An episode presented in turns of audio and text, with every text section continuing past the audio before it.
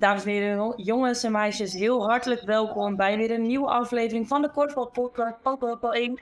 Vandaag zijn we er met speelronde nummer 11 van de Korfbal League en speelronde nummer 12 van de Korfbal League 2. En die wedstrijd bespreek ik vandaag met Wilke van der Bos, Johannes Schot en Barry Schep. Heren, fijn uh, dat jullie er zijn vandaag. Dankjewel. Ja, Wilco, Johannes, jullie zijn uh, er natuurlijk al een keer geweest. Barry, jij uh, bent nog niet bij ons in de podcast geweest. Nou, kent iedereen jou. Ik hoor van in Nederland, denk ik natuurlijk wel. Maar wil je een kleine introductie doen van jezelf? Dat wil ik zeker. Mijn naam is uh, Barry Schep. Ik ben coach van Blauw-Wit Amsterdam. Daarnaast bondscoach van Oranje onder 17. In het verleden ook uh, topkorfballer en international geweest. Kijk, dat is een heel mooi reisje. Dus ik kan, je, ik kan me niet voorstellen dat we luisteraars hebben die denken, hè, Buddy, wie is dat nou? Maar goed, voor de compleetheid, uh, nu kunnen we helemaal aan de slag.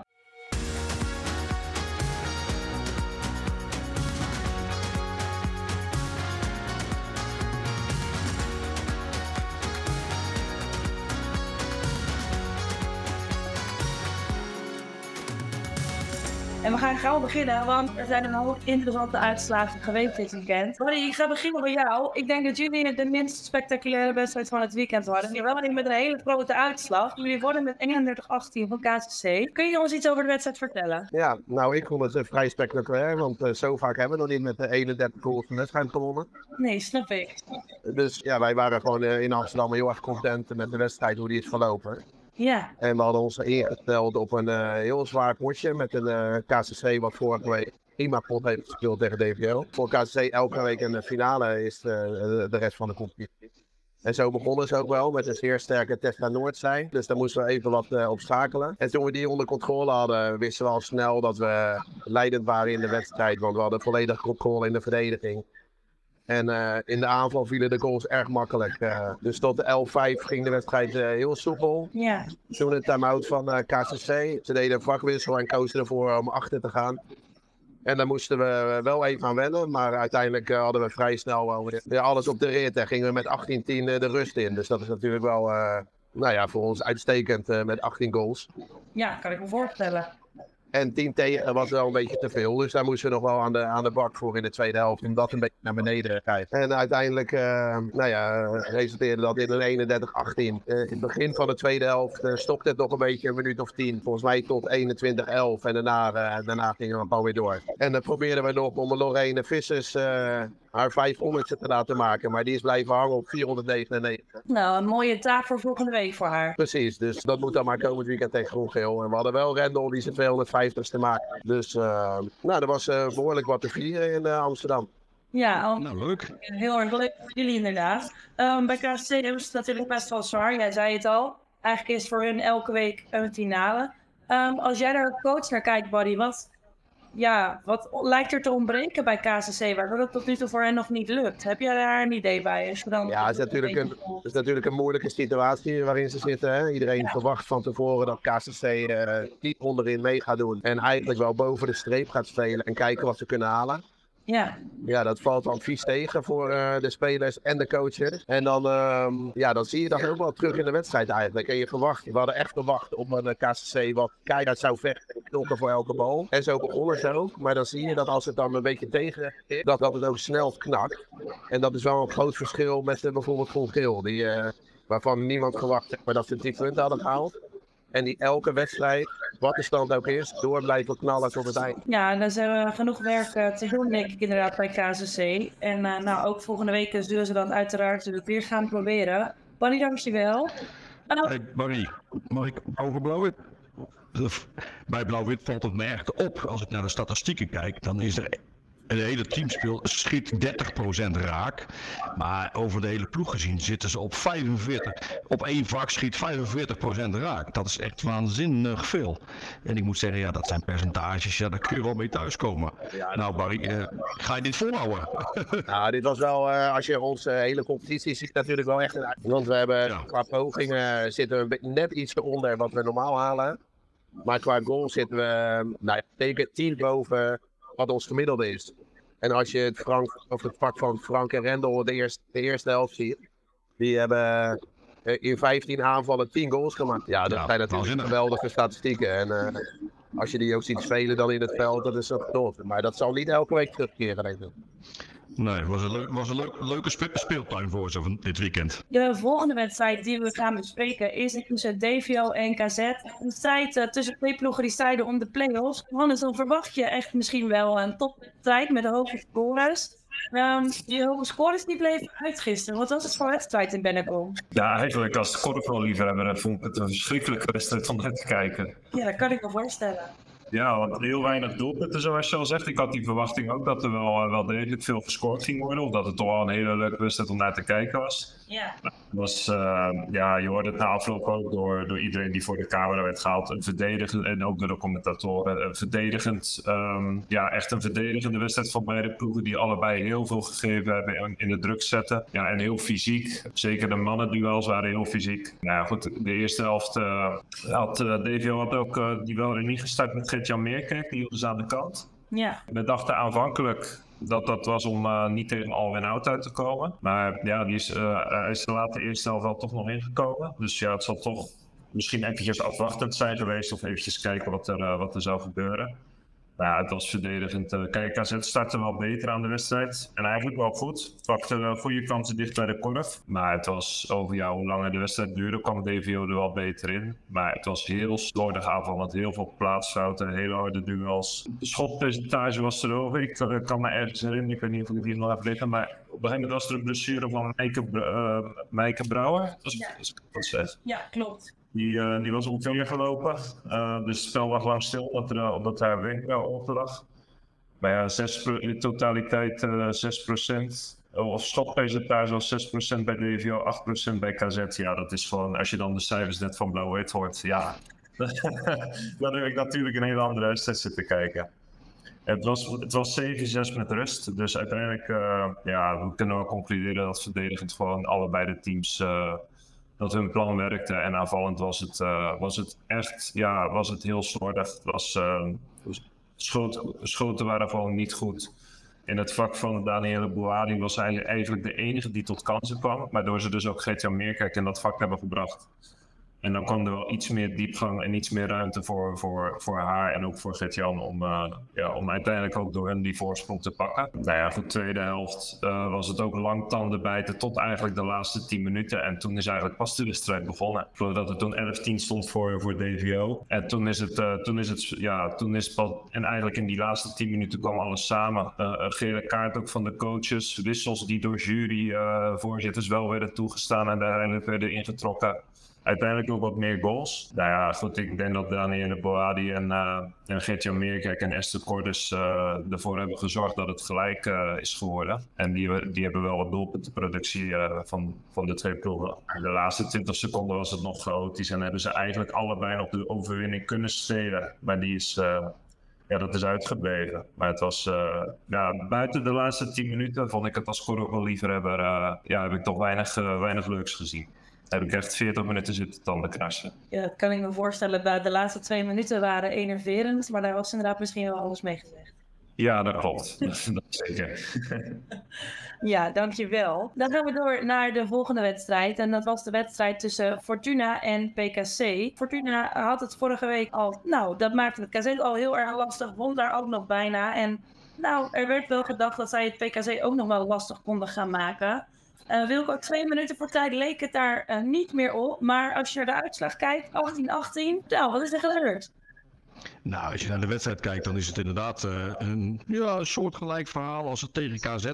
Ja. Maar het is een, uh, ja, een, een, hele spannende wedstrijd. En ik moet zeggen, ja, in de laatste minuten lijkt het er niet meer op dat het spannend gaat worden. Maar goed, uiteindelijk werd het dat wel. En uh, ja, Fortuna vierde een punt en PKC baalde dat ze een punt kwijt waren. Maar het begon een leuke wedstrijd. En ja, Fortuna begon echt goed. Fleur Hoek was echt uh, met name heel gewoon goed aanwezig. Ja, Brett Zuidweg kon er eigenlijk niet echt afstoppen.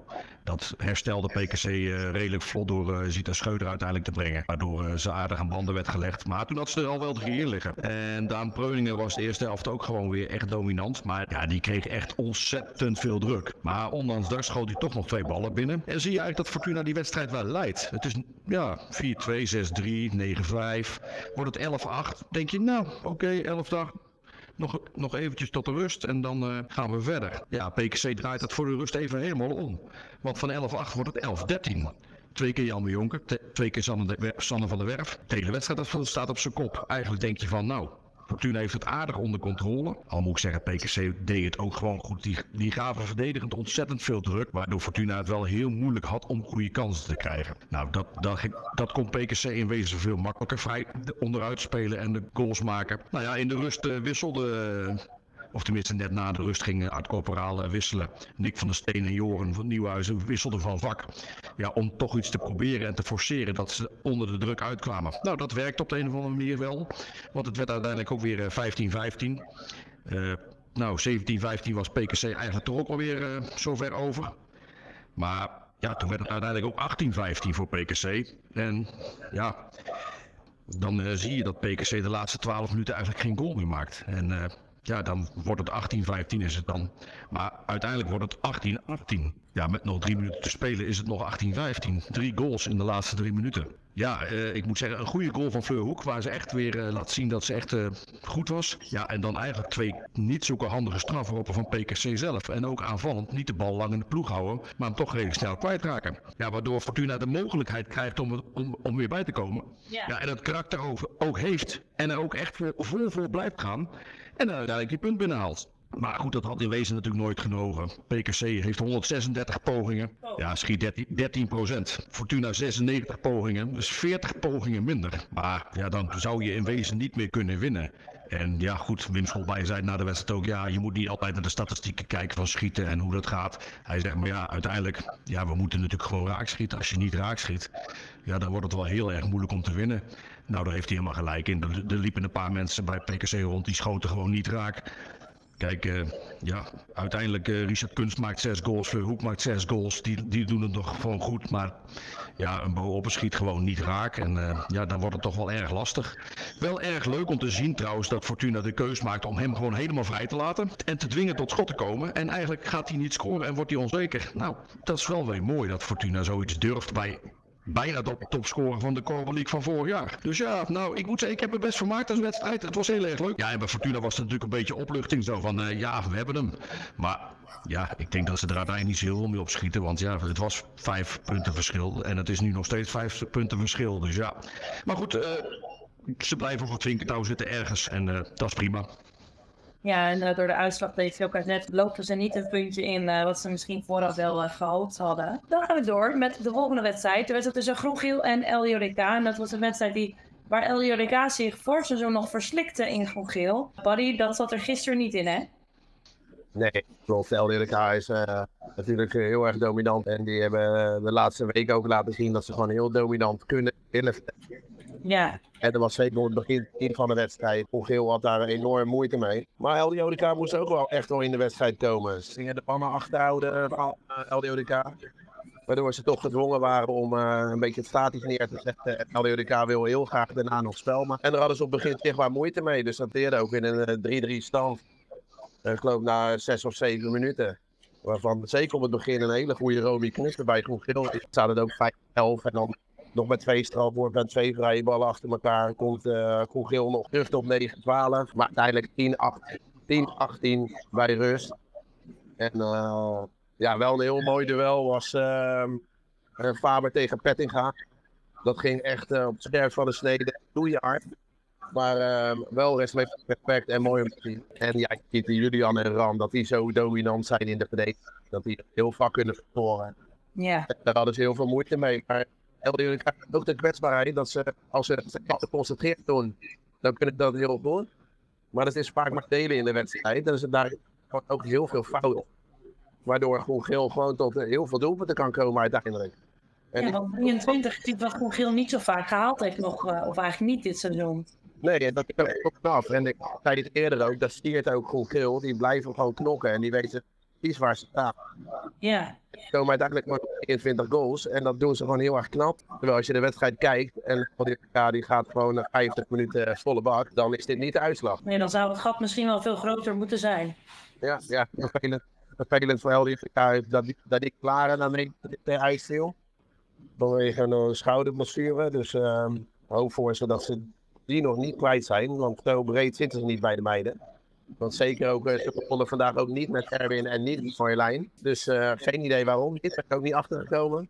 Ik weet niet, misschien zaten ze nog in de zon. Maar volgens mij moest iedereen wel op tijd terugkomen. Oké, okay, ja, Buddy, dankjewel. Dan gaan we door met de laatste wedstrijd van speelronde 11. En dat was die tussen HKC en DOS 46. Johannes, er werd van HKC uh, al misschien wel een aantal keer eerder verwacht dat ze misschien wel een keer thuis punten zouden pakken tegen een ploeg. Waar ze dat niet per se tegen moesten doen. Nou, dat lukte gisteren tegen DOS 46. Want ze wonnen thuis met 26-25. De uitslag doet vermoeden dat dat best een spannende wedstrijd was. Uh, op het einde wel. Maar als je eigenlijk heel de wedstrijd ziet, uh, heb HKC uh, buiten de eerste 6, 7 minuten eigenlijk toch wel heel de wedstrijd voorgestaan. Oké. Okay. Uh, ja, en de conclusie is eigenlijk ook wel gewoon dat HKC uh, dik verdiend heeft gewonnen. Ja. DOS startte wel echt veel beter. Ze namen twee doelpunten voorsprong en hielden zo dat gat op twee punten. En dan was er eigenlijk na die 6, 7 minuten was er een kwartier van HKC waarin ze ja, eigenlijk ver, ver boven lagen. Wonnen, wonnen ook veel meer duels. Um, dwongen ook uh, DOS tot, uh, tot eenschotsaanvallen. In ieder geval zo dat, uh, zo dat er altijd wel iemand van HKC stond mee te kijken om, om de bal weg te vangen. Of op te vangen. Ja. En, um, en ja, Elise Roest en Daan Koppenol die zorgden ervoor dat die, dat die twee doelpunten voorsprong van DOS dat die verdwenen en dat, dat HKC de voorsprong nam. Okay. En um, ja, het was echt wel collectief. Uh, eerste helft heel goed met uh, nuttige damesdoelpunten. Als ik het goed zeg van Annelies Kop en van uh, Jennifer... Schaefer? Ja, ja. En ja, HKC liep uit naar vijf doelpunten voorsprong, 15-10 ongeveer. En eigenlijk als dat de ruststand was geweest, had daar denk ik niemand wat van gezegd. Maar ja, DOS komt toch terug, ook door twee eigenlijk wat onnodige strafworpen die HK, HKC weggeeft. Dus het was 15-13 rust, uh, ruststand, dus het was toch nog maar twee doelpunten verschil. Maar de tweede helft liep HKC direct weer uit naar vier doelpunten. En het was altijd zo, het gaat of een keer op vijf of een keer op drie. En pas, uh, het is eigenlijk ook aan Christian, uh, Christian Dekker van DOS te danken dat, uh, dat DOS bij kon blijven. Want ja, als hij niet had meegescoord, dan had het gat al veel groter naar 6 of 7 of 8 gelopen. En dan HKC gewoon een dikke overwinning binnengehaald. Maar het was even dankzij hem die voor, tot, tot zeker 10 minuten van tijd eigenlijk als enige een beetje uitstraalde van DOS. Ja, ervoor willen gaan. Of in ieder geval, ik miste dat eigenlijk een beetje in, in heel de ploeg van DOS. Niet zoals tegen PKC heb gezien of tegen LDODK, waarin ze wel uh, ja, echt, echt een beetje dat vuur, vuur toonden. Het was, ja, dat, dat, dat extraatje miste je zo lang te hebben tegen HKC. En ja, in de laatste tien minuten kwam uh, Eline van Velde, Eline Veldhuizen. Ja. Uh, ja, die zorgde er nog voor dat DOS bijna, ja, die hield dat gat op twee punten waardoor het nog wel spannend bleef. Maar ja, eerste helft was het Elise Roest en Daan Koppenol. En tweede helft was het het vakgenootje van Elise Roest, Job Brouwer. En Daan die met, met bijscoren van, van de dames, ja, dat HKC gewoon uh, de voorsprong hield en de overwinning binnenhaalde. En het was 40 seconden voor tijd nog dat DOS op één doel het verschil kwam. Maar dat is eigenlijk, ja, het was eigenlijk, AKC heeft het onnodig spannend gemaakt, laat ik het, laat ik het zo zeggen. Want ik vond ze eigenlijk over de gehele wedstrijd vond ik ze beter en hebben ze dik verdiend, dik verdiend gewonnen. Ja, en met het oog op de ranglijst is de HKV natuurlijk een hele belangrijke overwinning ook. Ja, zeker. Ze komen nu op drie punten van groen-geel. Ja. Uh, zeven wedstrijden. Ja, ik, en zeker thuis. Ik weet niet wat het programma nog is van HKC, maar ik geloof dat ze nog tegen groen-geel thuis moeten. Ja, of, of nee, thuis. thuis. Groen-geel thuis, ja liggen er wel gewoon heel veel kansen voor HKC om zich, uh, om zich, veilig, uh, om, om, ja, om zich veilig te spelen ja, natuurlijk. Als ze thuis tegen vroeg heel verliezen, dan, kunnen, dan kan het zeker nog wel heel spannend gaan worden. Maar dit is wel voor HKC echt wel een, vind ik, een grote stap naar, uh, naar handhaving. Ja, hoe kijk jij naar dit seizoen naar een ploeg als HKC als coach ook? Ja, HKC is ook wat wisselvallig. Hè. Ze spelen ook in de wedstrijd erg wisselvallig.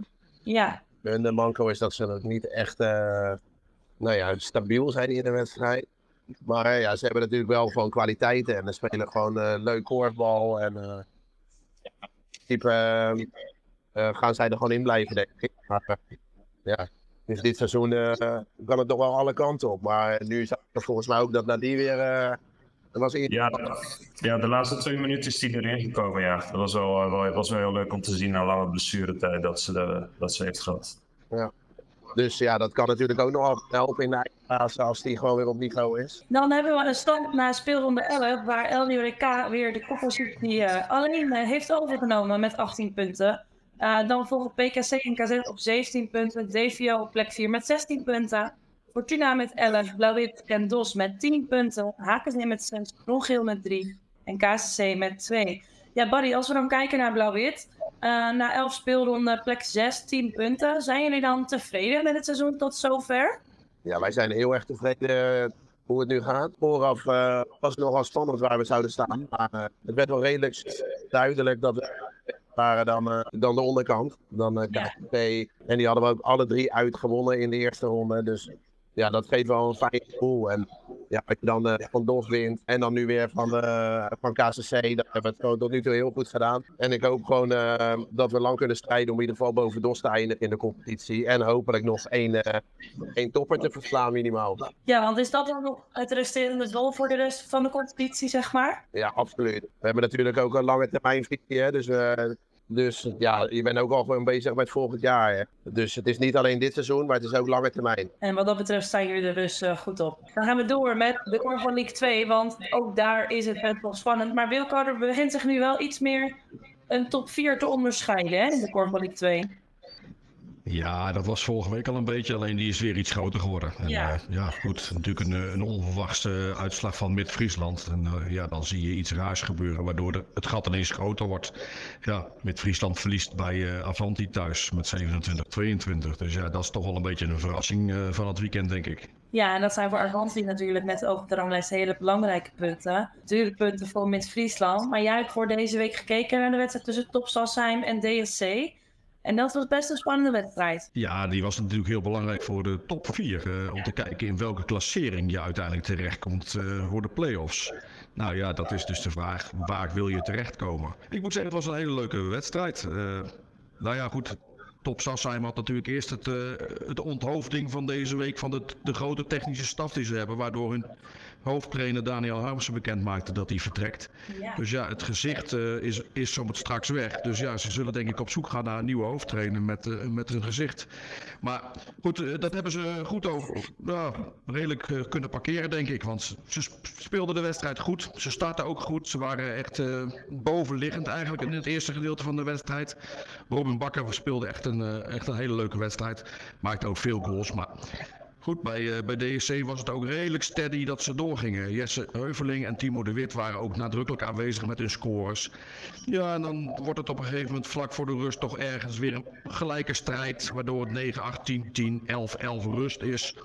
En dat je zoiets hebt van, nou, oké, het, uh, het is helemaal open. Na de rust eigenlijk het beeld dat DSC het eigenlijk overneemt. En uh, ja, daarin van 11, 11 tot 11, 15 wegloopt. Nou, dan komt ja, eigenlijk top ook wel weer terug. 14, 16 wordt het dan voor DSC. Nou ja, goed, uh, DSC heeft de, de, mindere pogingen van de wedstrijd. Maar schiet wel echt een heel hoog percentage. En dat doet top eigenlijk niet, maar die hebben gewoon veel meer pogingen. Nou ja, wat, wat DSC eigenlijk nekt, is dat ze de laatste 14 minuten maar twee goals maken. Ja, en dat is echt wel heel weinig. En ja, top scoort een beetje meer. En uh, ja, goed, die maken in de laatste kwartier nog, nog zes goals. En die gooien de wedstrijd uiteindelijk uh, in, het, in het slot, waar Jill Heijink en Fenne Jachman uiteindelijk nog invallen. En Jill Heijink eigenlijk gewoon twee droge goals binnenschiet en Fenne eigenlijk ja, het spel opentrekt, waardoor dat mogelijk gebeurt. Ja, en zie je top eigenlijk die wedstrijd toch wel uh, verdiend winnen. En ja, dat, het viel me een beetje tegen dat DSC het aan het eind zo liet lopen en het eigenlijk ook gewoon niet meer niet meer echt op de rit kreeg. Terwijl ze eigenlijk heel steady seizoen spelen. Maar goed, dat, dat zat er niet in gisteren. En ja, top won terecht. Nou, nog wat noemenswaardig is dat uh, Tim Dekker uh, uiteindelijk uh, atletisch een hele leuke wedstrijd speelt bij top. misschien niet in scores opvallend, maar wel als aanjager van een ploeg nadrukkelijk aanwezig. En ja, goed, ik denk dat top goede zaken heeft gedaan. En uiteindelijk die ranglijst goed doet nu. Ja, want inderdaad, belangrijke punten. Want het is nu best wel nou, het, het klimt allemaal aardig naar elkaar toe daarbovenin. Stand na speelronde 12 in de Corporal League 2 is uh, als volgt. AWD2 heeft heel wat afstand genomen, nu bovenaan met 20 punten. Gevolgd door Top, Sassijn en DSC met 17, Unitas met 16, Mid-Friesland met 12, Dalto met 11, Oost-Arnhem met 10, Top Arnhemuiden op de plek, achtste plek met 9 punten. Avanti met 6 punten. Dus door de overwinning onder andere op Mid-Friesland. En onderaan Tempo met 2 punten. Uh, Wilco, waar gaan we volgende week naar kijken als nieuwe wedstrijd van de week? Ja, volgende week hadden we de wedstrijd van Mid-Friesland tegen Top Sassenheim uitgekozen. Want eens kijken of Mid-Friesland enigszins kan aansluiten of dat uh, het definitief al over is. En laten we eerlijk zijn, Mid-Friesland heeft pas één wedstrijd thuis verloren. Dus eens kijken of Top daar overheen komt. Ja, gaan we volgende week natuurlijk in de gaten houden. Barry, volg jij de Corporal League een beetje? Uh, uiteraard. Ik uh, zie niet veel, maar ik uh, volg de uitslagen zeker wel. Dus ja, ik heb natuurlijk vier jaar in, nou, niet alleen maar in de Corporal League coach, maar uh, vorig jaar. Ja, kan ik me voorstellen. Volg je dan wel ook nog een beetje extra, zeg maar? Uiteraard, elke week wel gedaan hebben. Ja, kan ik me voorstellen. Hoe vind je dat dat ook doet als ploeg? Of, is het, of zie je daar te weinig voor?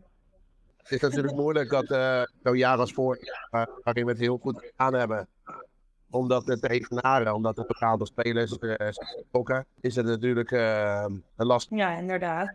En we gaan uh, kijken hoe Dalto het er verder in de komende weken nog van af gaat brengen in de Corporate League 2.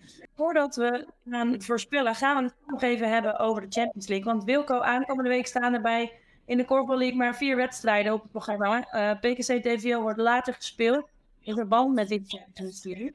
jij kunt ons daar wel wat meer over ja, de Champions League hebben we inmiddels uh, een uitgebreider programma. Het is woensdag, woensdag, donderdag, vrijdag en zaterdag.